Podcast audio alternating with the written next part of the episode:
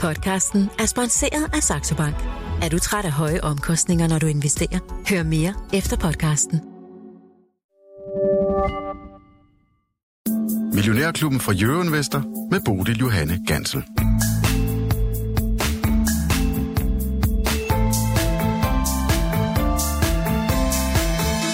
Midtvejsvalg, regnskaber og porteføljetjek, det er nogle af overskrifterne for denne onsdag i Millionærklubben. Ulrik Pige, der er økonomisk redaktør for Berlingske, tager os omkring øh, midtvejsvalget. Godmorgen og velkommen til dig, Ulrik. Tak for det. Michael Friis Jørgensen, der er aktiechef i H.C. Andersen Kapital, han står for regnskaberne og dagens marked. Velkommen til dig også, Michael. Godmorgen. Og så vores, øh, skal vi kalde det special guest, Jakob Pedersen fra Juniorboard. Han følger op på situationen hos de unge investorer. Det er altså den gruppe, som vi i starten af året gav 250.000 øh, kroner, som de skulle få til at vokse ind i vores konkurrence.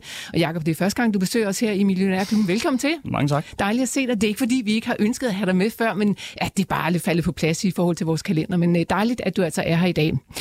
Vi kaster os over uh, midtvejsvalget i USA med det samme, Ulrik, for det er vel uh, en af de ting, der kommer til at præge aktiemarkedet lige præcis i dag. Tag os uh, omkring det vel uh, tætte løb, som det uh, udvikler sig til at være lige nu i hvert fald. Hvad siger du om situationen? Altså, jeg jeg vågnede klokken øh, kvart i fire i morges, så, så der vil sige, på det tidspunkt, der var der jo stadigvæk øh, meget tale om den her røde bølge. Ikke mindst fordi vi fik resultater fra Florida, at der var en knusende republikansk øh, valgsejr. Ja, lad os lige huske, fordi ja, det trigger altid mit hjerne, min hjerne lidt, når vi siger en rød bølge. Det er altså republikanerne, Republikanerne vi taler den røde yes, bølge, og, og demokraterne de blå i USA. Jeg Ja. ved ikke, hvorfor de har, har byttet op på det i forhold til, hvad der er en naturlov. De kunne bare ringe over, ikke? og så kunne vi fortælle dem, hvordan det skulle være. Men det starter ud, altså øh, guvernøren øh, Ron DeSantis i, i Florida har kørt en kampagne, hvor han har virkelig, altså kulturelt kriger, øh, sendt af Gud øh, og sådan noget, øh, som det mener Trump jo, at det, det er jo ham, der ligesom er sendt af Gud. øhm, og har faktisk kørt en valgkamp, hvor han øh, til sidst ovenkøbet ender med at have parallelle valgmøder med Trump, men uden at han omtaler ham. Og vinder stort. Og øh, så var der jo ligesom øh, lagt i, i, øh, i kakkelovnen til en fantastisk øh, valgaften for republikanerne, og sådan er der absolut ikke blevet. Nej. Øh, der er ingen rød øh, tsunami, der er ingen rød bølge, og spørgsmålet er, om der er en rød krusning øh, på overfladen. Øh, når vi kigger ud omkring, så har demokraterne gjort det meget bedre mange steder, end man havde regnet med, og det er især i forstederne. Øh, man, det er jo inflation, der ligesom har været det vigtigste spørgsmål, men det vi kan se af exit polls rundt omkring i svingstaterne, i svingdistrikterne, øh, det er, at øh, abort faktisk har spillet en større rolle, end man havde regnet med for bare et par uger siden. Det var det, vi regnede med for nogle måneder siden, men så har det, svinget, det har jo svinget lidt frem og tilbage, og det viser sig altså lidt, at øh, demokraterne klarer sig markant bedre, end det man havde forventet. Men når jeg ser de her øh, øh, optagelser fra gaden af, hvor at øh, journalister de spørger øh, øh borgerne, hvordan de vil stemme, eller hvad der er vigtigt for dem, i hvert fald i valget i USA, i løbet af de seneste par dage, så var altså alle svaret økonomi, men der er altså selvfølgelig andre ting, der også spiller ind. Hvis nu det var økonomi, som det handlede om for de amerikanske borgere, så undrer det måske også lidt, at der ikke er kommet flere stemmer til republikanerne. I hvert fald så øh, er der, der mange, som har ondt i pengepunkten lige nu, og det plejer man at lade gå ud over dem, der sidder ved magten. Ja, medmindre man ikke tør give magten til republikanerne, fordi det er jo ikke et... Det, man skal huske, det er jo... Det, ofte så har man sådan lidt, man, man taler om generiske kandidater, altså en helt almindelig øh, intetsigende person, som enten er demokrat eller republikaner. Øh, og det, der jo er problemet, det er jo sådan set, at øh, demokraterne øh, har valgt de fleste steder, undtagen Pennsylvania, øh, der har de valgt kandidater, som et eller andet sted er bedre end den her generiske kandidat. Øh, det er også en kæmpe fordel at allerede være i posten. Det kan vi se nu. Der er genvalg mange steder, øh, hvor man taler om genvalgseffekten er stor. Og det andet er, at øh, republikanerne, akkurat ligesom de har gjort ved tidligere valg, har opstillet nogle øh, ikke øh, fantastiske kandidater. Og, og så er det altså, at øh, som øh, andre har sagt, ikke, at man kunne opstille en potteplante og vinde, øh, men det var det ikke. Det var Dr. Oz og Blake Masters og sådan noget. Nå. Men Ulrik, øh, lad os prøve, der tælles stadigvæk stemmer, vi ved ja. Ikke, hvordan det hele det ender. Lad os prøve at lege lidt med nogle øh, scenarier i forbindelse med, øh, hvad det kommer til at betyde for finansmarkederne. Det er sådan set det, vi går mest ja. Op i her. Hvis vi forestiller os, at øh, demokraterne beholder sådan det mindst mulige flertal i senatet, men altså at øh, huset går til republikanerne, hvad kommer det til at betyde for finansmarkederne? Jeg tror, jeg, så tror jeg netop så ikke, der kommer nogen effekt overhovedet. Fordi det der, det, der sker med det republikanske flertal, som det ser ud nu i, øh, i repræsentanternes hus, der skal 218 til et flertal. Øh, der var tale om, om de ville komme op på 230-240. Jo større flertal du har, øh, jo flere kan du tillade dig at miste af dine egne, når du skal lave noget. Og vi ved, der bliver valgt en masse af de her... Øh, crazy hoveder ind, ikke? Øh, altså nogen, der, der mener, ja, at, øh, at, øh, at valgene altid bliver stjålet. Det er jo den nye lakmusprøve hos mm-hmm. republikanerne, at blev valget i 2020 stjålet. Og der er mange af dem, der er meget ekstreme, ikke? Og har sådan en kristen nationalistisk dagsorden, øh, underforstået hvid øh, dagsorden. Og dem bliver der valgt en hel del ind af. Men det der er, det er, at der er også en gruppe moderate republikanere. Og der er ikke nok, eller der er for mange moderate republikanere til, at republikanerne har flertal uden dem. Og det er sådan set lidt det, der er det modererende, akkurat ligesom det var med demokraterne i øvrigt, som jo sidste gang havde et meget snævert flertal, og det betød, at det kunne godt være, at der var sådan en øh, kvartet af unge øh, progressive kvinder, som mente, at vi skulle have socialistisk revolution, men de manglede de sidste fem til at få det gennem repræsentanternes hus, og de manglede jo også stemmerne i senatet, og i sidste ende, så den lovgivning, som Biden endte op med at lave i år, og det er jo ganske omfattende lovgivning, den har været rigtig, rigtig meget mere moderat, end det, som den venstreorienterede fløj havde lyst til. Så det er egentlig en modererende faktor, og det er også derfor, at de her store risici for øh, sådan nogle eksplosioner, der kan komme i det politiske, er meget mindre, end de var for 24 timer. Okay, så øh, ro og fred i hvert fald lige umiddelbart, som du vurderer det, det kan vi godt uh, se i USA, selvom der selvfølgelig altid er nogen, der råber højt derovre. En af dem, det er Donald Trump, som jo altså også har været ude at mene øh, om, eller ude at sige, at han vil komme med en udmelding om hans, øh, hans egen fremtid i, øh, i løbet af næste uge. Ulrik Bie, hvad tror du, det bliver? Øh, det, er, det blev meget mere kompliceret for ham, øh, fordi mange af hans højst profilerede kandidater har gjort det dårligt. Og den, der er hans største konkurrent i det republikanske parti, Ron DeSantis i Florida, har gjort det bravende godt. Han står, øh, på den måde står han svækket, øh, fordi hans brand simpelthen ikke er, hvad det har været. Og som sagt, J.D. Vance, som øh, i, i Ohio, en, en, som vandt forholdsvis komfortabelt efter en, en hård valgkamp, øh, han nævnte slet ikke Trump i sin sejrstale. Og det er ellers netop Trumps anbefaling, der fik ham over målstregen i primærvalget. Så det er jo spørgsmålet nu, om vi ser, at hvis det er sådan, at Trump lige pludselig ikke øh, har den magi øh, til at levere valgsejre, som øh, man havde håbet på, når man skal ud og møde vælgerne. Han har det jo stadigvæk i partiet. Så er det jo så spørgsmålet, om øh, der er sådan en, som DeSantis finder, finder på, at han også skal stille op. Det kan jo selvfølgelig få Trump til at komme hurtigere på banen. Det, der bare er det republikanernes store problem nu, det er, at der skal være omvalg i øh, Georgia den 6. december. Og sidste gang, der var det jo alt det her øh, valgplader for Trump, som gjorde, at de tabte to senatspladser i Georgia, og dermed også flertallet i senatet. Og øh, republikanerne ligger lige nu og skriger og river sig i håret ved tanken om, at han om en uge går ud og melder ud, at han vil være præsident, og dermed gør igen alt i amerikansk politik til et spørgsmål om ham, for så taber de nok endnu en gang i Georgia. Mm. I går der så vi dollaren blive svækket en lille bitte smule. Der skulle altså over 1 dollar til at købe en øh, euro, og det handler måske mere om uh, gældsloftet, Michael, som jeg ved, du uh, pointerer som værende en, en vigtig ting, også ind i det her, i det her valg. Hvad handler det om? Nå, men altså, du ved, havde republikanerne fået alt for meget styrke, så havde de jo allerede meldt ud, at, at deres... Uh deres, øh, deres, det, det, de skulle blackmaile, eller du ved, øh, afpresse demokraterne med, vil være gældsloftet, og de vil trække den rigtig langt ud, og det er jo, de facto en default af amerikanske statsobligationer på et eller andet tidspunkt i, i, i det gældsloft, og derfor har folk, derfor har, har valutamarkedet spillet lidt på, på, på dollaren her. Men der, der lytter jeg jo også til Ulrik, der siger, at det er ikke sikkert, at de kan trække den så langt ud. De kan muligvis godt holde den der uge, hvor skolerne lukker, men hvis der er nogle moderate republikaner på et eller andet tidspunkt, siger de nok er nok ikke. Altså, vi skal ikke kaste landet ud over en klippe, bare for du ved, at, at, at, at få, få, få skabt noget fuldstændig uh, skud og mudder i, i, i USA. Ikke? Så, mm. så det, er, det er nok den her trade, som, som, som primært har, har, har lagt her. Jeg skal huske at, huske at dele dem op, fordi noget af det, som, som også har været på tale, der er jo, øh, den nye kongres træder først sammen i det nye år. Og det vil sige, at vi har den her lamme an periode, øh, lame dog-perioden, der løber frem til da, hvor det nuværende kongres sidder.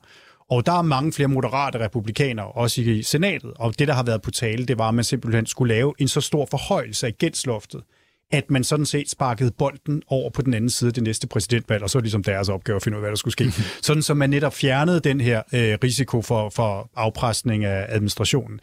Der hvor, du skal huske, at der, hvor øh, skolerne lukker, Øh, skolerne ligger nu mest ude i delstaterne, så det er mere den føderale regering, regeringskontorer og nationalparker og sådan noget, der lukker. Øh, lufthavne også øh, på vippen. Det er, at øh, det er i forbindelse med finansloven. Det er budgettet og ikke gældsloftet. Øh, de to ting hænger sammen, men det er, når man laver de almindelige finanslovsforhandlinger. Der kan der altså sagtens komme en periode, øh, hvor der, fordi der, du skal have 60 stemmer normalt, øh, til at, at lave et nyt budget, hvis ikke man bliver enige om at forlænge det eksisterende, øh, som er ligesom det, der har regeringen kørende, så kan man få de her nedlukninger. Men gældsloftet, øh, det bliver i hvert fald en øh, risikoen for en amerikansk statsbankerot er faldet i dag. Mm. Ulrik Pige, øh, vi slipper dig her, fordi du har jo en uh, travlt formiddag. Du skal kommentere det her valg garanteret til alle mulige andre, så uh, afsted med dig. Men tak, fordi du vil komme her og gøre os lidt klogere på valget. Selv tak. Ja, og lad os så hoppe tilbage til øh, aktiemarkedet, eller hoppe til aktiemarkedet. Vi har slet ikke været omkring det, Michael Friis Jørgensen. Ja. Øh, lad os lige se, hvordan markedet det starter sådan en øh, onsdag morgen derude. En, en lille bitte smule rødt øh, jo med ned uh, USA ned, som blev trukket ned af, af du kan sige, bitcoin-markedet, som vel lige fik sendt en, en, en lille bombe ind i, ja, hvad, hvad der så til, at vi skulle ud.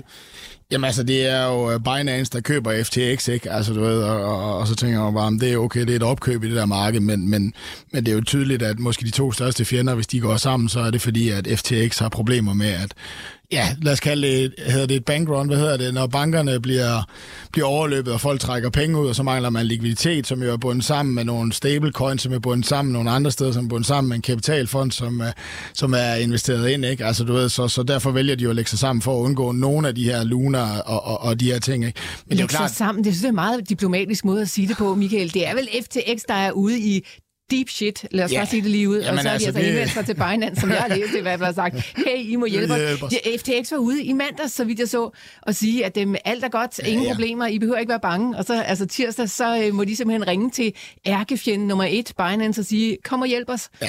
Det ser altså, ud, jeg, tror, jeg tror heller aldrig, du hører en bankdirektør stå og sige, uh, jeg er panikket, men gider ikke godt lide være med at trække jeres penge ud.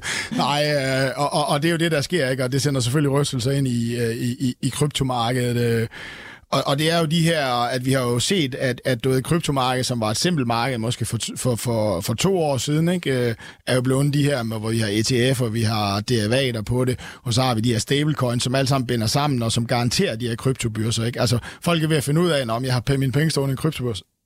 Det er ligesom en bank. Nej, det er det ikke. Altså går kryptobørsen ned, så går kryptobørsen ned. Så er dine bitcoins mine, ikke? Altså du ved. Og, og, og nogle af de her risici er selvfølgelig noget af det, der har skabt det, der kalder den her vinter inden for, for krypto. Og nu fik vi endnu et eksempel, ikke? Så, så du ved, der, der begynder at være noget likviditet, der går ud af markederne. Folk har måske mindre penge mellem lommerne. Ikke? Vi ser kreditkortgælden stige, og, og, og falder. Du ved, så, så du ved, skal der faktisk trækkes nogle penge ud af noget likviditet ud af markederne. Ikke? Så vi spørger jo altid, hvor er det det, hvor er det, du ved, træet falder i, øh, det første træ, der falder ikke i, i, i på grund af likviditet og centralbanken, og muligvis kryptomarkedet. Vi har jo altid sagt, at det er ikke stort nok til at, du ved, lave en subprime-krise, eller lave sådan et eller andet, sådan, du ved, bare ud fra størrelsen er det ikke. Øh, men problemet er jo, at, at markedet skal jo reagere som i går, ikke? Fordi hvor mange hedgefonde ligger og har spekuleret ind i det her marked, og dermed skal ud og likviditere nogle andre aktiver osv. Så, mm. så det, det kan jo skabe den her bølge, ikke? Og, og det var det, som markedet reagerede på i, øh, i går med, med, med, med, med, med efterfald i bitcoin, træk simpelthen aktiemarkedet med ned. Og det er den her med, at du forbereder dig lige på, og det er selvfølgelig Nasdaq, det koster efter, ikke, fordi hvis man ligesom skal se de fonde, der investerer ind i bitcoin, som måske tænker, nu skal vi have lukket nogle positioner ned, eller vi er, vi har vi er kommet til at hænge til tørre her et eller andet sted, har jo ofte også, du ved, tech-aktier, du ved, ud over det i deres fonde, ikke? Så, så, så det var selvfølgelig det, det kostede. Og det var, det var nok egentlig det, der vendte rundt øh, i USA, ikke? Fordi at man lå jo til, at, at du ved, der, var et, der var et godt kald på det her, republikanerne skulle have noget mere magt, og, og du ved, vi elsker det der med at splitte regeringerne, fordi så nok ud fra et inflationssynspunkt, at man kan ikke få noget igennem, og det vil sige, at man, det her bidrag, der vil være fra, fra eventuel finanspolitik, det vil være ingenting. Så du ved, finansmarkedet har ligesom hængt sin hat op efter, at det ikke lykkedes helt at hænge den op på centralbankerne, der skulle holde, der skulle holde op med at være hårde. Det lykkedes jo ikke sidste uge, så har vi hængt den op på det her valg. Øh, og, og den, den case kørte jo egentlig fint, og nu skal vi selvfølgelig diskutere den i dag, øh, og så trække det her bitcoin-marked ned, og, og der ligger nok egentlig også lidt, der skal diskuteres i det her, ikke? Øh, men sådan... Og det kan godt være, du kalder bitcoin-markedet for relativt lille, hvis man kigger på øh, andre store finansmarkeder, Michael, men altså ikke desto mindre, så er det jo altså et marked, der råber temmelig højt, og som det jo altså også, som du det. siger, det hele er jo filtret ind i hinanden. Altså, så hvis noget begynder det, at falde, så øh, dels er der bare nogen, der begynder at blive nervøse og trække øh, pengene til sig, og dels så ja, hænger det jo hele jo altså så sammen. Vi ved vel realiteten ikke, hvor stort bitcoin-markedet er. Mm. Det var jo det, vi lærte i finanskrisen. Ikke? Nå ja, mobilisationsmarkedet det er så stort. Nej, det er 100 gange større, når du tæller derivaterne, der ligger med nede bagved. Altså, du ved, og, og, det, og det er jo en af issues. Ikke? Altså, vi skal ikke male fanden på væggen her, men du ved, vi har bare set flere af de her, du ved, træer falde i skoven ude i, ude i, i, i, i kryptomarkedet, ikke? og det er jo et aktiv, du ved, hvor man ligesom kan sige, at, at det er svært at attestere en eller anden form for value til det, og sige, at det er billigt, så når stemningen er negativt, jamen så er det jo så er det nedad, ikke? Altså, så, så, så det er selvfølgelig noget af det, der træk, træk lidt ned. Og det gør det altså også her og, til morgen over i uh, kryptoverden. Det er selvfølgelig bitcoin, der falder. Den, den steg faktisk en lille bit smule, da jeg tog herind i, i morges, så der var lige sådan et, nogen, der var ude og tænke, ah okay, der er også en eller anden bund der, men, men nu ser den altså ud til at være faldende igen.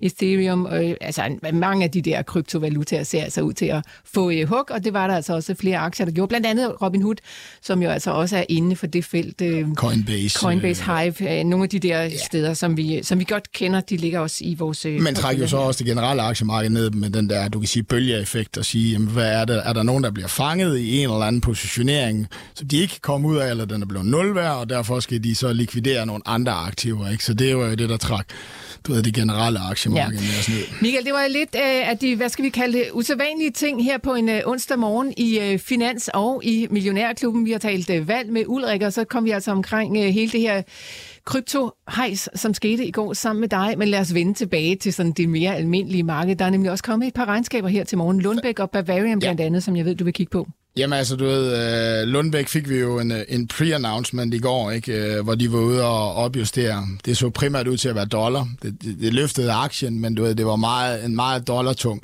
Det man kan se det på, det er, at de løfter toplinjen, men ikke så meget ned på indtjeningen. Og det er fordi, de har modsatrettet Novo, så ligger det ikke ned under finansposterne, men, men, men det, der, den, det der hedder hedging, altså det de har lukket, og de har nogle omkostninger i dollar. Og så har vi fået regnskabet her i dag, og så ser vi faktisk, at, du ved, at det er er også et ret godt kvartal for, for den underliggende vækst, øh, der er ligesom er med til at, at trække øh, omsætning. Altså du ved, deres, du ved, deres fremadrettede produkter, eller det, de hedder core, øh, slår forventningerne. Ikke? Så du ved, i går fik vi den her opjustering, det var godt, men der var primært dollartrukken, som måske ikke den store overraskelse, vi gik bare og ventede på, at den skulle komme. Og i dag følger det så op med et rimeligt regnskab. Så, så Lundbæk-aktien er, er, er, er, er, er, er jo rimelig i vælten, og det, og det, det kommer jo fra, at, at at du ved, i forhold til det sidste regnskab, som du ved, jeg tror, jeg stod herinde og sagde, om det ser vel sådan nogenlunde ud, som det skal ligge, og siden der, der er aktien er gået fra 33 til 24, ikke? og vi ved selvfølgelig, at ATP har været ude at sælge, og alle den her historie, og, og nedtur i aktiemarkedet, så, så måske også lige se det i, i det perspektiv, hvor meget den reagerer på, på, på det her regnskab. For mig er, er, er det væsentligste i Lundbæk-aktien egentlig, og hvorfor du ved, jeg, du ved, jeg, jeg, jeg, jeg har købt og holdt fast i, i den her nedtur, det er jo egentlig, at, at, at momentum ser egentlig ud til, at nu er de i hvert fald tilbage til vækst. Øh, de skal nok bruge lidt flere penge på lanceringsomkostninger, så, så indtjening følger ikke med helt op. Så er det jo en øh, super billig aktie.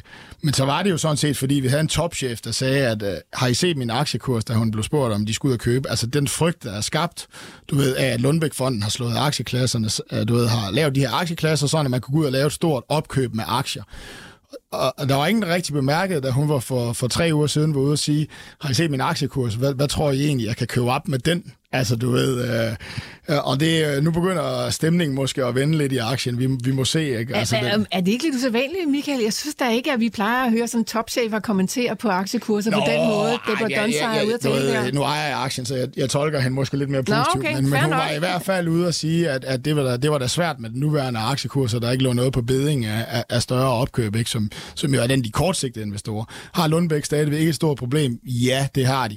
Den her aktiestruktur. Øh, og hvad den kan bruges til, øh, og hvad det jo har betydet, ikke? at, at de, mange af de store aktionærer, de har stemt med fødderne og sagt, det der, det var et skridt for langt, for, for jeg ikke har solgt ud. Ikke? Altså, nu er de jo så ude, men du ved, hvem skal ind i aktien igen? Ikke? Altså, der er stadigvæk den her, så du ved, der er jo et sted, hvor, hvor du ved, der er nogle købere, der holder sig væk fra den her aktie, den grund, selvom den måske ser billig ud, selvom de måske får momentum igen. Så det mm. er det er, det, det er ligesom det, der er Lundbæk. Men altså selve ja. regnskabet øh, bedre end ventet vækst på, på, på, på core-delen, altså på deres, øh, som, som, som fulgt med i den her opjustering på dollaren i går. Så det, jeg tror, det er noget af det, der løfter den her til morgen. Og core-delen, er det det primære at holde øje med, når man kigger ned i sådan et regnskab, Michael? Eller er det sådan, hvad der ligger øh, lidt mere ude i yderkanten? Nej, men altså det er jo det, man... Altså core er jo det, Lundbæk definerer som de fremadrettede produkter. Nej, man skal bare holde øje med totaltallene, ikke? Altså, okay. du det er jo noget af det, vi lærer i de her nuværende aktiemarkeder. Adjusted EBITDA, ikke? Som, du ved, altså alle de der ting, ah, den gik ikke vel. det er kun, når renten er nul, og vi alle sammen er super optimister, du ved. Så du ved, hvad man selv det var definerer... dage. Hvad man, ja, det var, halv, okay. det var et år siden.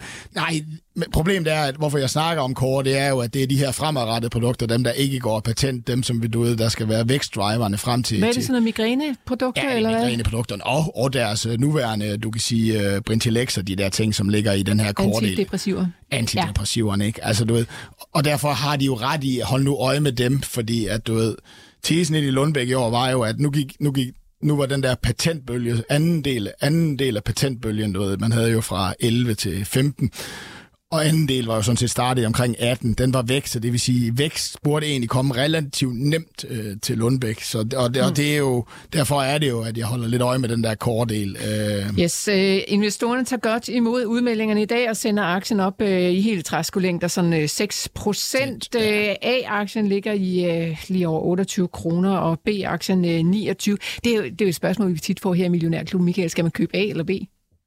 Øh, B. Øh, A er jo relativt illikvid. Det, det betyder ikke så meget, men ved du, og, du ved, skal man holde den til man, til, til, til man dør, og man arver den til sine børnebørn, ikke? Jamen, så kan man jo lige så godt købe A, ikke? fordi den er lidt billigere end den anden. Men, men klart B, øh, man skal købe. Ikke? Øh, det er den mest likvide af dem. Ikke? Øh, for, for en enkelt lille investor betyder det måske ikke så meget, men, men det kan jo være deprimerende at se, at, at du ved, at, at da, du ved, nogle dage så stryger B-aktien op, og A-aktien følger ikke rigtig med. Altså, du ved, det skal nok gøre det på den lange bane, så, så klart det er B. Okay, A-aktien er den billige. Ja, ja, ja, ja. ja okay, det, er, det er de jo altid. Altså, du, selvom, selvom du har mange flere rettigheder og mange flere stemmer, så er det jo den, der ikke handles. Altså, det, det er jo noget, det er jo fortælling om, hvad likviditet betyder for, for, for et aktiemarked. Nå, godt, så fik vi lige det med, Michael. Lad os hoppe videre til Bavarian Nordic, som du... Øh skal vi ikke bare sige, at du er rimelig loaded i Bavarian Nordic, så er det ude, du har købt op ja. øh, og, øh, og ligger med den, både i Millionærklub portefølje, men altså også øh, derhjemme. Ja. Hvad siger du til regnskabet? Jamen, jeg synes, det er fint. Altså, du ved ikke, at jeg har håbet på, at regnskabet skulle skubbe noget til aktien, og det gør den heller ikke. Jeg tror, den er nede 0,29. Et glimrende regnskab. Vi ser jo... Vi ser i, i, i det her regnskab ser vi jo to ting i min optik. Ikke? For første gang så er de jo så indtjeningsneutrale, så det kunne jo tyde på guidance, den der hedder minus 200 til, til, til, til 0, er, er, er 0, altså i indtjening i år. Deres, deres gamle vaccine, eller deres normale vaccineforretning vokser rigtig godt, og så er det jo selvfølgelig det her abekop og Juniors, som, som, som trækker et, et stort vækstbidrag. Men, men, men der er ikke rigtig noget, der overrasker i det her regnskab. Du også sige, at min case på Bavarian ligger jo egentlig på, at at skulle der have været en trigger i det her regnskab, så skulle de måske have lagt en eller anden sådan bundguidance ind for næste år. Altså min, min case i Bavarian er jo 60 ikke? At, at markedet måske ikke rigtig kan sidde ude øh, ved ASV, øh, når de forventeligt kommer næste sommer, de her data. Det vil være en ret stor svingfaktor for, for, for aktien. Jeg kan ikke sige noget om det bliver godt eller skidt, men du ved, jeg kan, jeg kan sige, at markedet måske ikke skal ligge ude. Der er i hvert fald en stor mulighed, jeg mener, der ikke er, er, er priset ind der. Og så er det primært på indtjening næste år. Altså du ved, øh, æbekopper er færdig, du ved, det er ikke længere en meme-aktie, du ved, vi snakker ikke længere æbekopper. Men faktisk så, hvor meget de får solgt af fabrikken, og hvor meget øh, nødlager, der skal bygges op, øh, tror jeg vil overraske markedet, og dermed hvilken indtjening de vil have. Ikke? Og de har en god pengekasse, og hvis de kan tjene en masse penge næste år, og trækker det fra den nuværende markedsværdi, jamen så synes jeg sådan set, at, at, at aktien så lidt billig ud nede i de her niveauer her.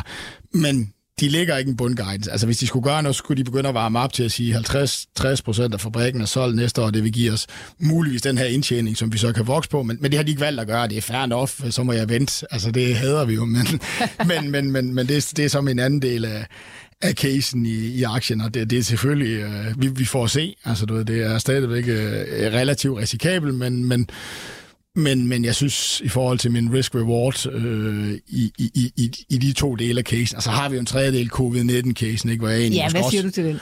Jamen, jeg tror egentlig, at dataene bliver rimelig gode, og jeg tror egentlig, at vi får et produkt, som kan adskille sig lidt, men, men jeg tror også, at markedet vil have svært ved at prise ind, øh, om, om der egentlig stadigvæk er et covid-19-marked derude. Det, det time will tell. Uh, så jeg ved ikke, hvor stor den trigger er, men, men, men, men det er heller ikke en, jeg, jeg som sådan frygter skal blive negativ, øh, kan man ligesom sige. Uh, så det er, det er ligesom i Bavarian.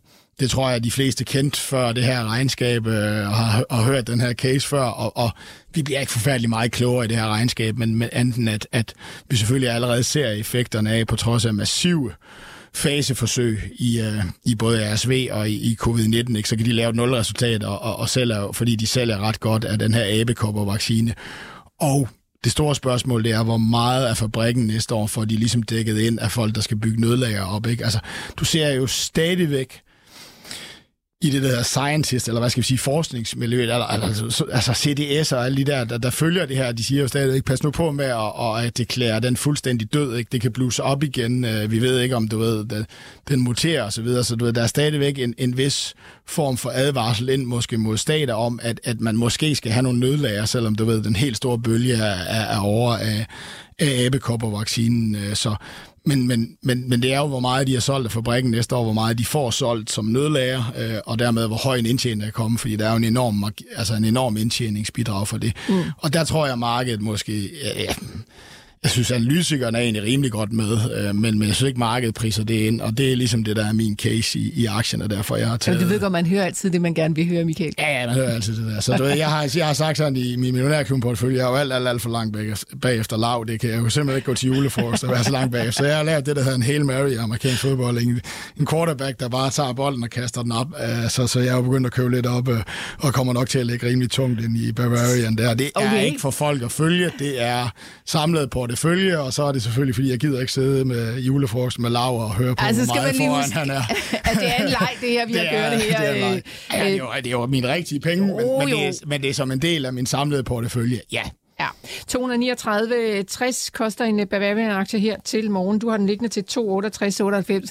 Michael, i øh, din uh, millionærklub på det følge. Så der er altså lille tab, men ja, det, det er, jeg, men, jeg startede meget tidligere med at købe den, men du ved... Men det er jo også meget lille tab, når man ser på, hvad der ellers ligger af tab rundt omkring i både vores portefølje, men altså også ude i det hele taget. Det har været et svært uh, aktieår. Det her, det er Millionærklubben fra Euroinvestor. Jeg har Michael Friis Jørgensen og Jakob Pedersen i studiet, og vi skal tale lidt om juniorboardets portefølje og høre, hvordan det er gået dem. Hvis du har spørgsmål ind til Jakob eller til Michael, så er du selvfølgelig velkommen til at skrive til mig. Det foregår på 42 42 03 21, altså på sms. Du skal bare huske at skrive MIO i starten af din besked.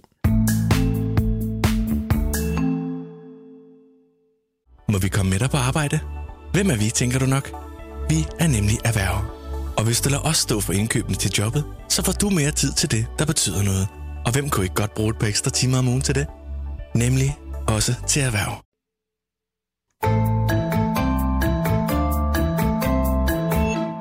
Ja, Jacob, det blev en øh, lang snak, øh, men der er sket rigtig meget, så vi skulle omkring alt muligt, lige fra krypto til valg til øh, regnskaber. Nu er vi nået til Junior Boardets portefølje. Det er lang tid siden, vi har talt med jer, men det er altså på tide at lige få en opdatering på, hvordan det går. Vi skal også lige lære dig lidt at kende. Du er en bachelor i International Business fra CBS, og nu er du gået i gang med din kandidat, som er i... Applied Economics and Finance, også på CBS. Okay. Så, så vi fortsætter på i samme bane. Godt, og så har du i øvrigt også studenterjob på ABG i Sundal Collier, hvor du bliver smidt ud i alle de her opgaver, som det altså også handler om her i, i vores øh, program.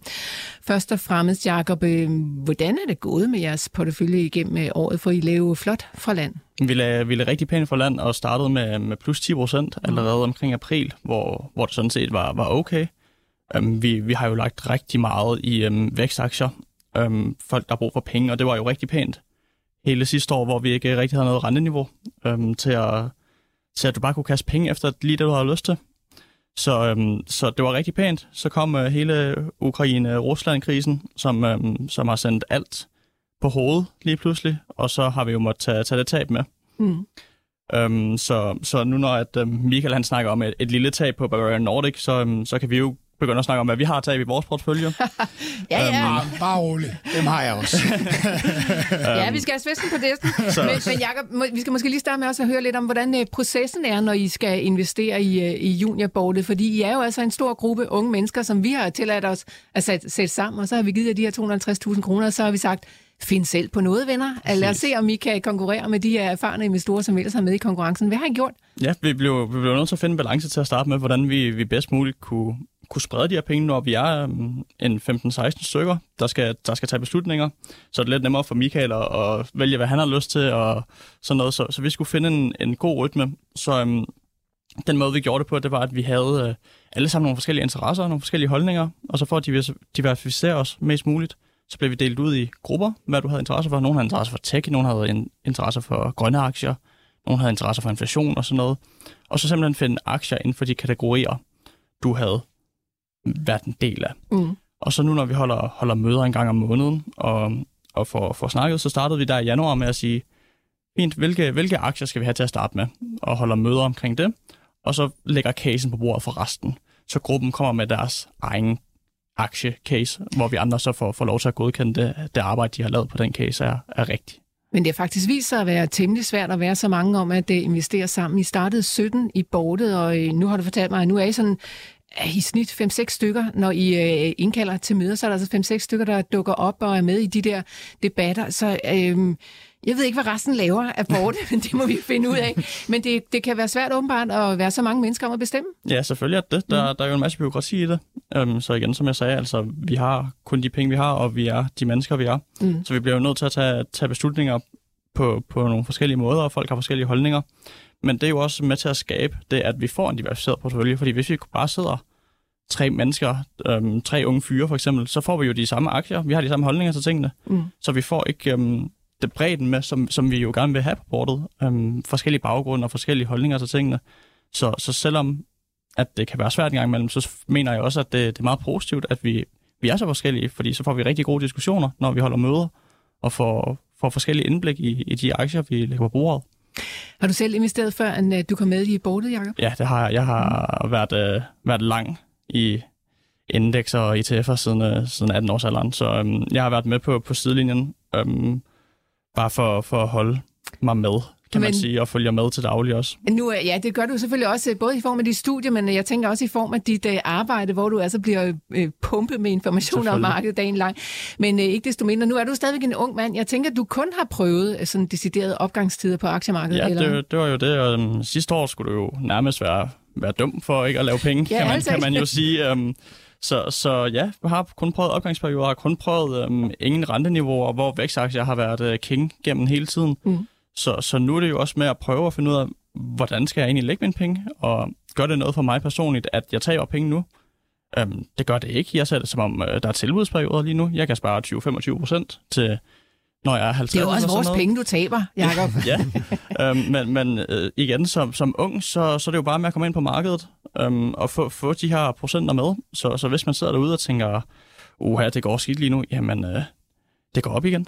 Det, det har altid vist sig at gå op igen. Så, så lige nu som, som ung og som øh, almindelig investor, så er det bare med at komme, komme med ind i ja. markedet. Du har tiden foran dig, og øh, som du siger, en ting, øh, som vi ved med sikkerhed, det er, at det kommer til at vende på et eller andet tidspunkt. Spørgsmålet er, hvornår? Der kan gå rigtig mange år, jeg ved det ikke.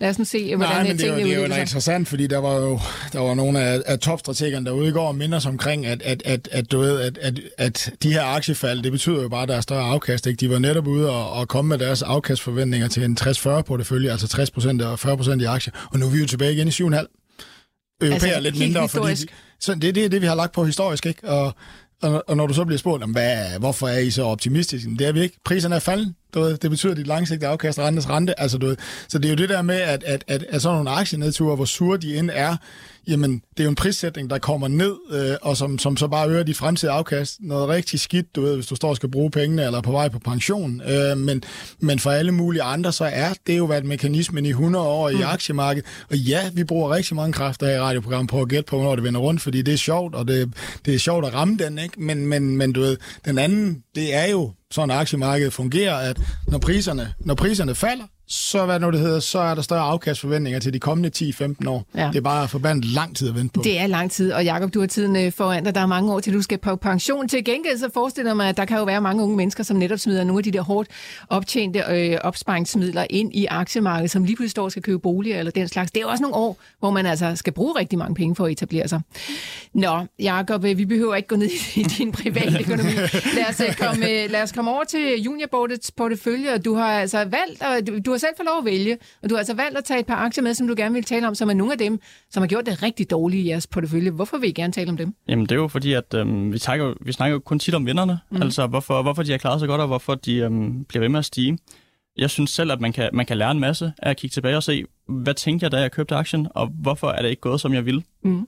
ville have det dengang. Så, øhm, så i dag har jeg taget øhm, som det første Oatly med, ja. som vi på Uniboardet købte i januar, da vi startede, og har holdt den til i dag. En svensk aktie, der er noteret... I, på Nasdaq ja. øhm, over i USA. Så vi købte den til øhm, 7, og, 7 dollars og nogle og 20 cent. Og i dag ligger den omkring 2. Den lukkede omkring 2 i øh, går aftes. Um, så det er jo et tab på cirka 70 procent. Mm. Hvis man ikke lige sidder i cafésegmentet i København, skulle du måske lige forklare, hvad Oatly laver. Ja, selvfølgelig. selvfølgelig. Hvis man ikke sidder som, øh, som råd stemmer i øh, Københavns Kommune, så laver Oatly øh, havremælk er nok det, det mest kendte, de laver. Yes. Um, så, så alternativer til mælkeprodukter. Ja. Um, og, og de blev børsnoteret for, for et års tid siden, og de blev IPO'et til en øh, kurs på 17 dollars, og som jeg sagde, i går lukkede de på en kurs 2. Så, så da vi kiggede på regnskaberne til, til Oakley, da vi, inden vi købte dem, var Q3 lige kommet ud for deres øh, 21-regnskab, og det så rigtig pænt ud. De havde øh, organisk vækst på 18% og havde rigtig stigende EBIT-margin, som man jo gerne vil have som, øh, som vækstvirksomhed, der bare suser derudad. Og så, øhm, da vi rammer marts og får deres Q4-tal, så har de steget på toplinjen, som vi gerne vil have som en vækstcase, men de får simpelthen ikke øget deres EBIT-marken nok til, at, til at det, det de, til at den vækstcase, den holder. Så, så den får et rigtig hårdt skub ned der um, øhm, til de tal. Og så kan man jo tænke på, hvorfor, hvorfor sker det? Um, som vækstcaser, der kommer, um, kommer dårlige tal ud, så er det jo med til at sige, at alle de fremtidige tal, der kommer, de ikke klarer sig lige så godt.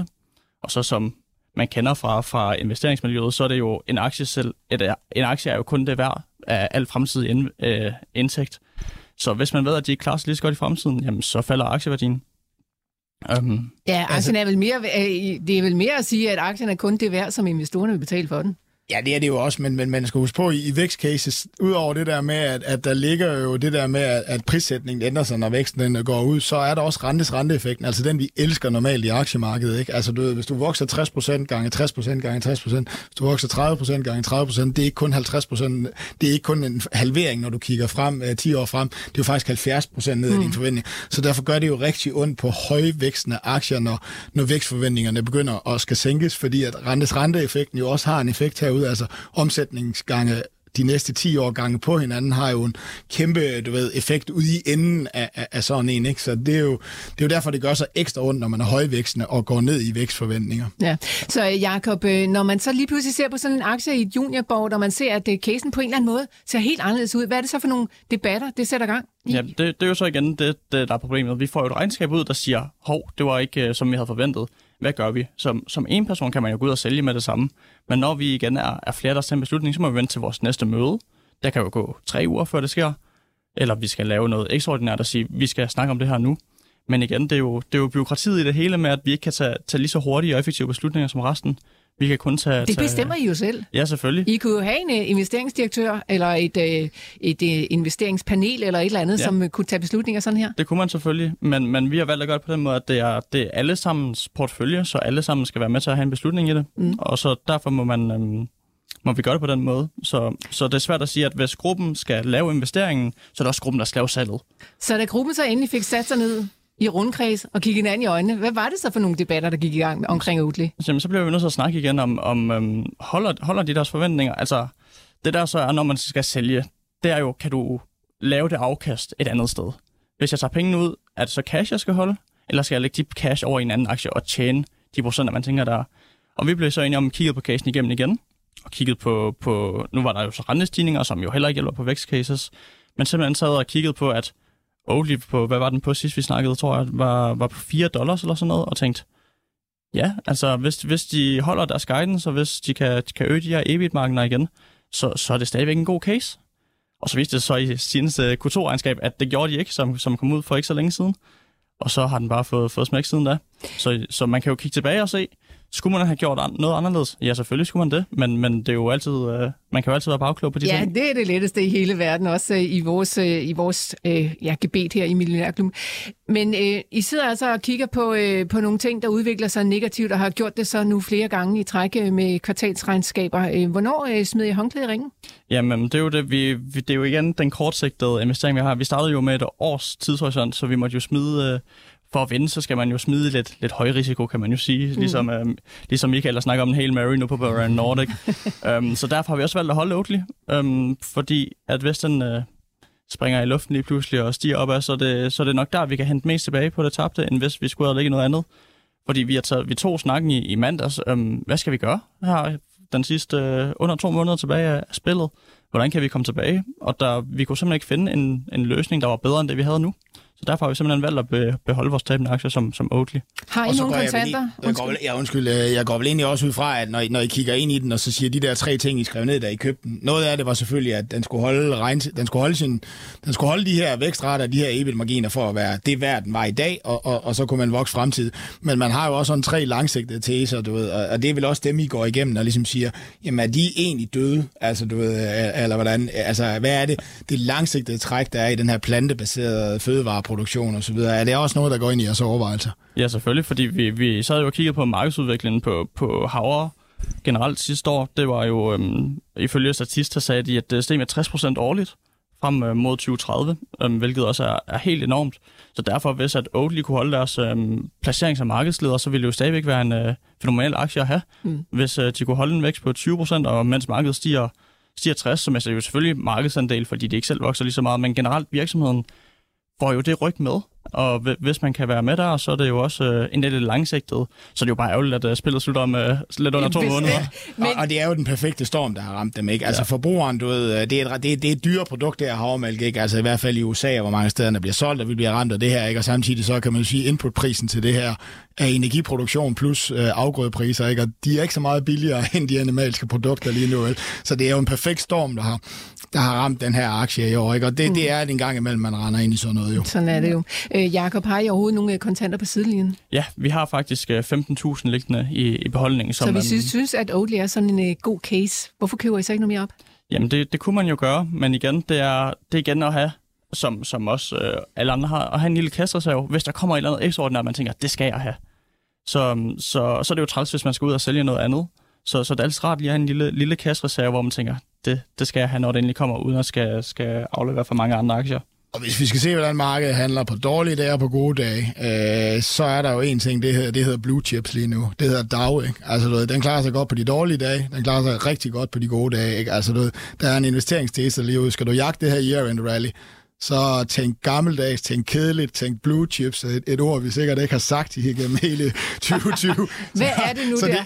og, og, og, og jeg synes simpelthen, at den her trend, den har været så tydelig, du ved, og, og hvad skal bryde den? Det er, at, at, at, at inflationen topper, eller du ved, den tese omkring det der, og det er bare meget, meget, meget usandsynligt, at det er den, der skal, skal være der. Så det, Og- tror jeg, det tror jeg, alle kan, kan måske lære lidt af, at, at det, der er super spændende aktier derude lige nu, men nøj, hvor der bliver handlet det skal være stabilt, det skal være gammelt, det skal være kedeligt, det skal være godt indtjent. Og det er altså det, vi kalder blue chip. Ja, det, vi er kalder måske blue lidt at sige det på den måde. Men altså sådan gode, øh, gedigende, øh, gammeldags industrivirksomheder. Ja, selskaber, ja. Ja, godt. Øh, Jakob, vi skal videre til den næste aktie, som du har valgt at tage med. En aktie, som jo igen, igen, igen er aktuel, øh, også her til morgen. Det handler om øh, Tesla og Elon Musk, og øh, manden, som jo altså har været ude igen og sælge flere aktier øh, til sydenlandene, fordi at øh, der skal bruges penge over i det her Twitter-eventyr, som han har kørende lige for tiden. Giv os en øh, vurdering af sagen. Ja, vi har jo, øh, har jo haft øh, lagt, lagt lang i Tesla, øh, som har været klart vores største, største aktie i porteføljen. Øh, klarer sig også rigtig godt i løbet af 22, men har bare vist sig, at øh, kom skuffende Q3-regnskab på leverancer og på deres bruttomargin, altså deres omsætning minus deres øh, omkostninger på den øverste linje, viser ikke at være med, som øh, man havde forventet. Og så derudover, så, øhm, så er der jo det, vi, vi godt kan lide at kalde for Elon-effekten. Øhm, der er jo, der er jo Er den god eller dårlig? Det kan jeg godt blive det, er jo, det er jo begge dele. Det er jo alt, hvad, um, hvad Elon Musk gør og kan. Mm. Um, man må jo ikke uh, stikke ham for meget ned og sige, han er jo en dygtig, dygtig mand. Han har jo rejst uh, to store selskaber i SpaceX og, og Tesla. Men den volatilitet, der er omkring ham som person og som CEO af nu tre selskaber, gør, at han, han, er, han er en effekt af sig selv, der bare kan styre aktiekursen rigtig meget. Så, så både alt det her mediehalløj omkring Twitter, og omkring, at han øh, sælger aktier, og ja, som vi så, så i øh, nat, kom der en SEC-fejling med, at øh, han har solgt for cirka næsten 4 milliarder Ja. dollars øh, aktier i, øh, 3,95. i Tesla. Ja. Som, som jo så viser sig, at går imod de, de ting, han sagde i april, at han nu vil han ikke sælge flere aktier. Hvad, og som vi jo også ved fra danske marked, hvis uh, chefen går ud og sælger aktier, selvom vi ved, at det nok skal bruges til et uh, Twitter-opkøb, hvad, hvad, hvad er det så af betydning for, for aktiekursen og for, hvad hans forventninger er til selskabet fremover? Mm. Så, så det, er, det er klart, at ja, Q3 var skuffende, men Elon-effekten øh, spiller for alvor lige nu ind på, på, hvordan aktien har klaret sig. Ja, det er altså en vi, vi ser i som... øh, aktiemarkedet lige nu, den der personrisiko, ikke? Nu fik vi jo Adidas ud her, du ved, det der je, altså du ved, er det Kanye West, du ved, jeg kan simpelthen ikke. Du Ja. ved, at, at, hvor meget de må nedstyre på grund af deres linje med ham i regnskabet i dag. Nu får, vi de, nu får du det der fuldstændig forbavsende. Je-linjen havde 40 procent af deres indtjening. Den havde 14 procent af deres omsætning. Ikke? Mm. Altså, wow, hvad, hvad der er hængt op på, på en mand, og hvad der så kan være risiko. Nå, det var sådan en lille sidebemærkning, men det er den her med, lige pludselig, så, du ved, den der, den der effekt, man har af en enkelt person, du ved, der kan trække tingene, kan jo også gå modsat sig rettet. Ikke? Så det er jo det er en risiko og en, og en opside en gang imellem. Og så er der vel altså også øh, en pointe blot i forhold til, at nu hvor, øh, jeg vil lige sige Kanye West, han skal købe, nej, det er Elon Nej, Musk. det er Elon Musk, ja. der, der køber, han hedder jo, det er jo ikke Kanye West mere, så vidt jeg ved. Nej, jeg kan ja, ikke huske, hvad han hedder, men det er så også lige meget. Øh, men Elon Musk, hele det her opkøb omkring Twitter, som jeg altså også har givet en masse skal vi ikke bare kalde det bøvl, en masse ballade derude i, ja, i hvert fald i Twitterland. Men altså, når manden han sidder og har finansieret sit opkøb af Twitter, at den værdi, han har i Tesla-aktier, og Tesla-aktierne, de bliver mindre og mindre værd, altså eksisterer der ikke også bare en risiko i det? Altså, der kan være nogle kreditinstitutioner, som øh, begynder ligesom at sige, hmm, hvad der, der, der er langt ned. Okay. Lad os slå det fast. Men, men, men det der er måske er det største problem, og det, du ved, det er måske ikke hans 4 milliarder, han solgte der, men det er jo mere frygten for, at du ved, vi ser de her, øh, de her store virksomheder forsvinde ud af Twitter, ikke, du ved, og han har jo nogle, han har jo nogle rentebetalinger omkring halvanden milliard dollar om året i liggende over i Twitter, ikke, så de skal jo tjene penge. Nu har han fyret en masse mennesker, men du ved, hvis han ikke lykkes med at gøre Twitter til en succes, jamen, så bliver det jo en never-ending story, hvor han hver år skal finansiere du ved, de her rentebetalinger eller et underskud i Twitter. Så det ligger der også, også. Men jeg tror, det er mere den der med, at hvor meget opmærksomhed han skal bruge der, og hvor meget han skal bruge i, i ikke i Tesla, fordi vi, meget kan vi sige omkring det, men, men der, hvor jeg jo tog fejl, det var, at han, han performede jo, han fik jo den her meget højere margin på hans produktion, og det var vel ham, der bad medarbejderne så ude på fabriksgulvet, der selv var 20 timer for fabrikken, der drev det der, ikke? Og bedriver, kommer det så også til at blive drevet i fremtiden? Altså, du ved, mm. der er så mange spørgsmål, der, der, der drejer sig omkring Twitter, retfærdigt eller ej, at, som egentlig er reelle nok. Øh, Og lige nu er altså masser af annoncører, der trækker deres øh, penge lige præcis til Twitter, General Mills, Audi, Volkswagen, Pfizer, L'Oreal og Carlsberg var også ud at sige, at der kommer ikke flere penge den vej, venner. Så ja, det gør ondt sikkert på den øh, korte bane, så må vi se, hvordan det udvikler sig på den lange. Øh, Jakob, øh, risikofaktoren Elon Musk lyder jo ikke som om, at den er blevet mindre, men øh, I er lidt ligeglade. Ja, fordi Tesla er jo stadigvæk et, øh, et kanonselskab, øhm, leverer, leverer rigtig høj margin på deres biler. Øhm, jeg synes, jeg læste, at de leverede øhm, seks gange margin per bil over Toyota, for eksempel. At de har en, øhm, kan, kan tjene meget mere på deres biler, end hvad, hvad andre selskaber kan. Og så øhm, hele det her øhm, self-driving, hvem er først? Er det, er det Tesla, der er det? Er det et kinesisk selskab som NIO, eller måske Google, hvem ved? Men, men hvem der er først på det marked, har også øh, rigtig stor betydning for, for hvordan øh, Tesla kommer til at udvikle sig i fremtiden. Og, og vi mener på, på bordet, at øh, det er Tesla, der, der kommer til at vinde den. Så, men igen, det er jo... I forhold til spillet, så er det jo igen med under to måneder til, hvor der nok ikke kommer meget nyt på det, men på den lange bane, så, så mener vi stadigvæk, at Tesla kan, kan være vigtig, og derfor er den også stadigvæk en del af vores portfølje. Jamen, jeg synes, det er fair nok, at man I holder fast i sin åbne tro. Fundstrats uh, teknikere i går, der var ude og udtale sig omkring Tesla-aktien, så, så kommer det til at løbe af koldt ned over ryggen. Jakob, øh, I er nede i øh, juniorbordet med øh, 24 procent, har jeg lige slået op og kigget øh, herinde på Saxo Banks hjemmeside. Der Ja. kan man altså finde alle vores øh, porteføljer. Jeg- I ligger så som en, øh, en tredje plads i øh, de porteføljer, som vi har. Så der skal, der skal løbes hurtigt her til sidst, øh, hvis I skal have den fest, som vi har lovet jer, hvis I laver et gigantisk stort afkast. Det ser altså ikke ud som om, der bliver meget fest ud af det. Nej, det gør det ikke. Um, det, det har jo været svært, og det løber rigtig stærkt den seneste måned også. Um, vi var jo omkring 0 for, for en måned, halvanden tid siden, så, så hvad der generelt er sket, er, er svært at sige, men uh, alle vores uh, vækstaktier, som, som vi jo nærmest kun har i, i portføljen, har bare haft det rigtig hårdt på det seneste. Mm. Hvor det er især de her stigende renter igen, der, der kommer ind og, og ødelægger det hele, kan man jo sige. Hvor du ikke bare længere kan kaste om med penge og købe de medarbejdere, du vil have, og vækst på de markeder, du gerne vil. Lige nu øh, er det jo penge. Penge koster penge nu. Det gjorde de ikke før. Nej. Jeg hæber stadigvæk øh, på jer. Jeg hæber sådan set på alle vores porteføljeforvaltere. Sådan skal det da ikke være. Men, øh, Har du en spændende- favoritbolig? Ah, men, øh, det er jo det der, man ikke må sige. Men øh, ja, min favorit i år, det er selvfølgelig lav. Ja, jo, ja, men jeg tænker, hvem du holder med. Nå, ah, men det, det, det udtaler mig ikke om. Nej. Nå, Rasmus han skriver ind til os, om øh, vi kunne overveje at lave et øh, amatørbord, der skal konkurrere med de professionelle og juniorbordet. Og ja, Rasmus, tak for ideen. Øh, Den tager jeg da gerne med videre. Den kunne da, vi da godt snakke lidt om. Det ved jeg ikke, om det bliver til noget, men, øh, men tak for ideen under andre omstændigheder. Og Michael, så kommer der altså også et... mere Øhm. vel, øh, hvem skal vi definere som professionel herinde? Ja, det, det, er, det er sådan set meget god pointe. Nå, så er der altså også et par spørgsmål øh, til dig, Michael. Lad os lige komme omkring ja. Ja. nogle af dem. Upstart Ja. Holding. Ja. Et spørgsmål lige præcis om den. Har du selv aktien, øh, og køber du op på det her niveau? Hvor langt skal ned, før den er billig?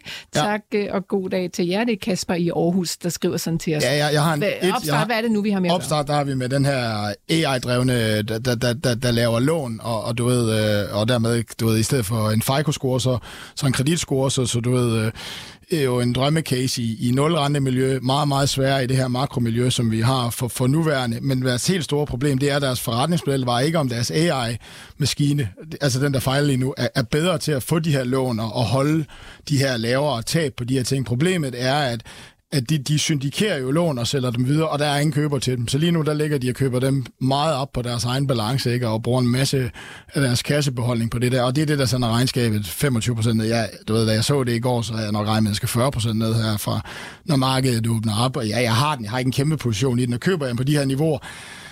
Jamen, altså casen holder nogenlunde stadigvæk på, på fem års sigt, tror jeg, men du ved, her på den korte bane, der er, vi, der er vi i gang med at teste det her, og, og er der ikke nogen banker, der ønsker at købe de her syndikerede lån, altså de her store rammer af, af, af de her ting, jamen så er deres forretningsmodel, som de er bedre på grund af deres AI-engine egentlig til at give lån, øh, den er jo sådan set øh, den er sådan set ødelagt, indtil du ved, der bliver et bedre miljø, hvor bankerne igen vil købe de her, hvad jeg kalder syndikerede lån.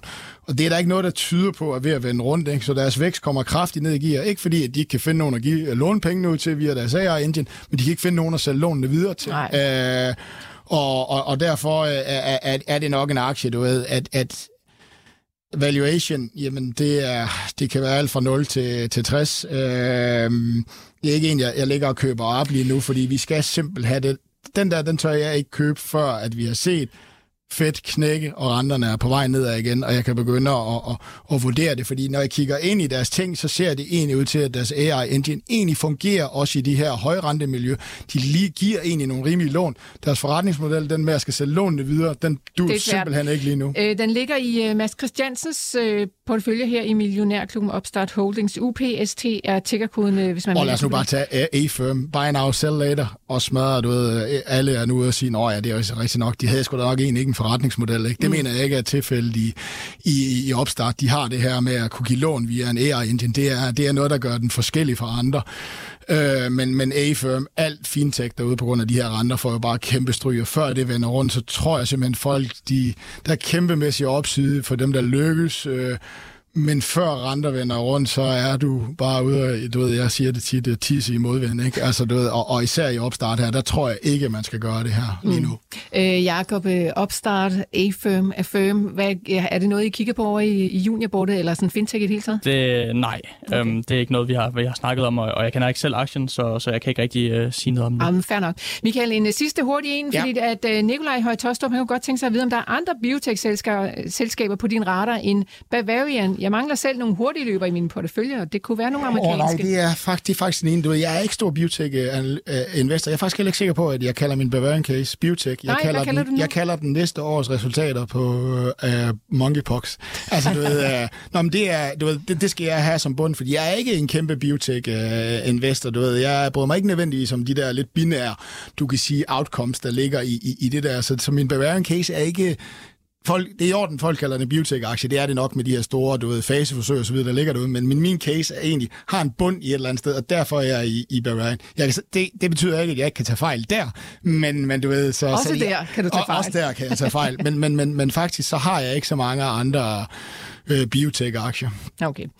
Øhm, vi løber ind i det sidste minut, så lad os lige vende blikket mod det aktuelle marked. Michael Friis Jørgensen, hvad ja. Ja. sker der derude, og måske særligt på nogle af de her regnskabsaktuelle øh, aktier? Er der gang i dem? Uh, lad os lige kigge på Lundbæk.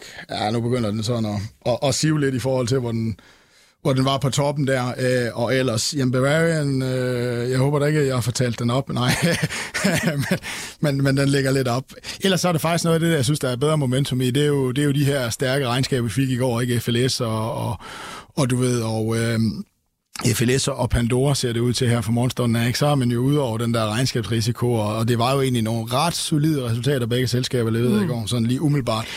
Så der er rigeligt selvfølgelig også denne onsdag holde øje med ude på aktiemarkedet. Vi sætter et uh, punktum lige der. Michael Friis Jørgensen og Jakob Pedersen, tusind tak, fordi I kom i studiet. Jakob, det var en fornøjelse at have besøg af dig. Det får vi forhåbentlig igen en anden gang. Tak også til Alex Brøndbjerg, der stod for teknikken, og tak til jer, der lyttede med derude. Vi er tilbage igen i morgen.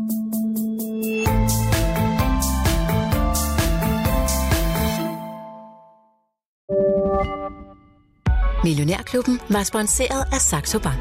Ved du, hvad dine penge helst vil være? Hos Saxo Bank kan du få op til 3,05% i positiv rente uden binding. Bare ved at have en investeringskonto. Det er nemt og gratis at oprette en konto. Der er ingen konto og depotgebyr, og der er ingen binding. Så du kan altid investere eller trække dine penge ud. Kom i gang allerede i dag på saxobank.dk.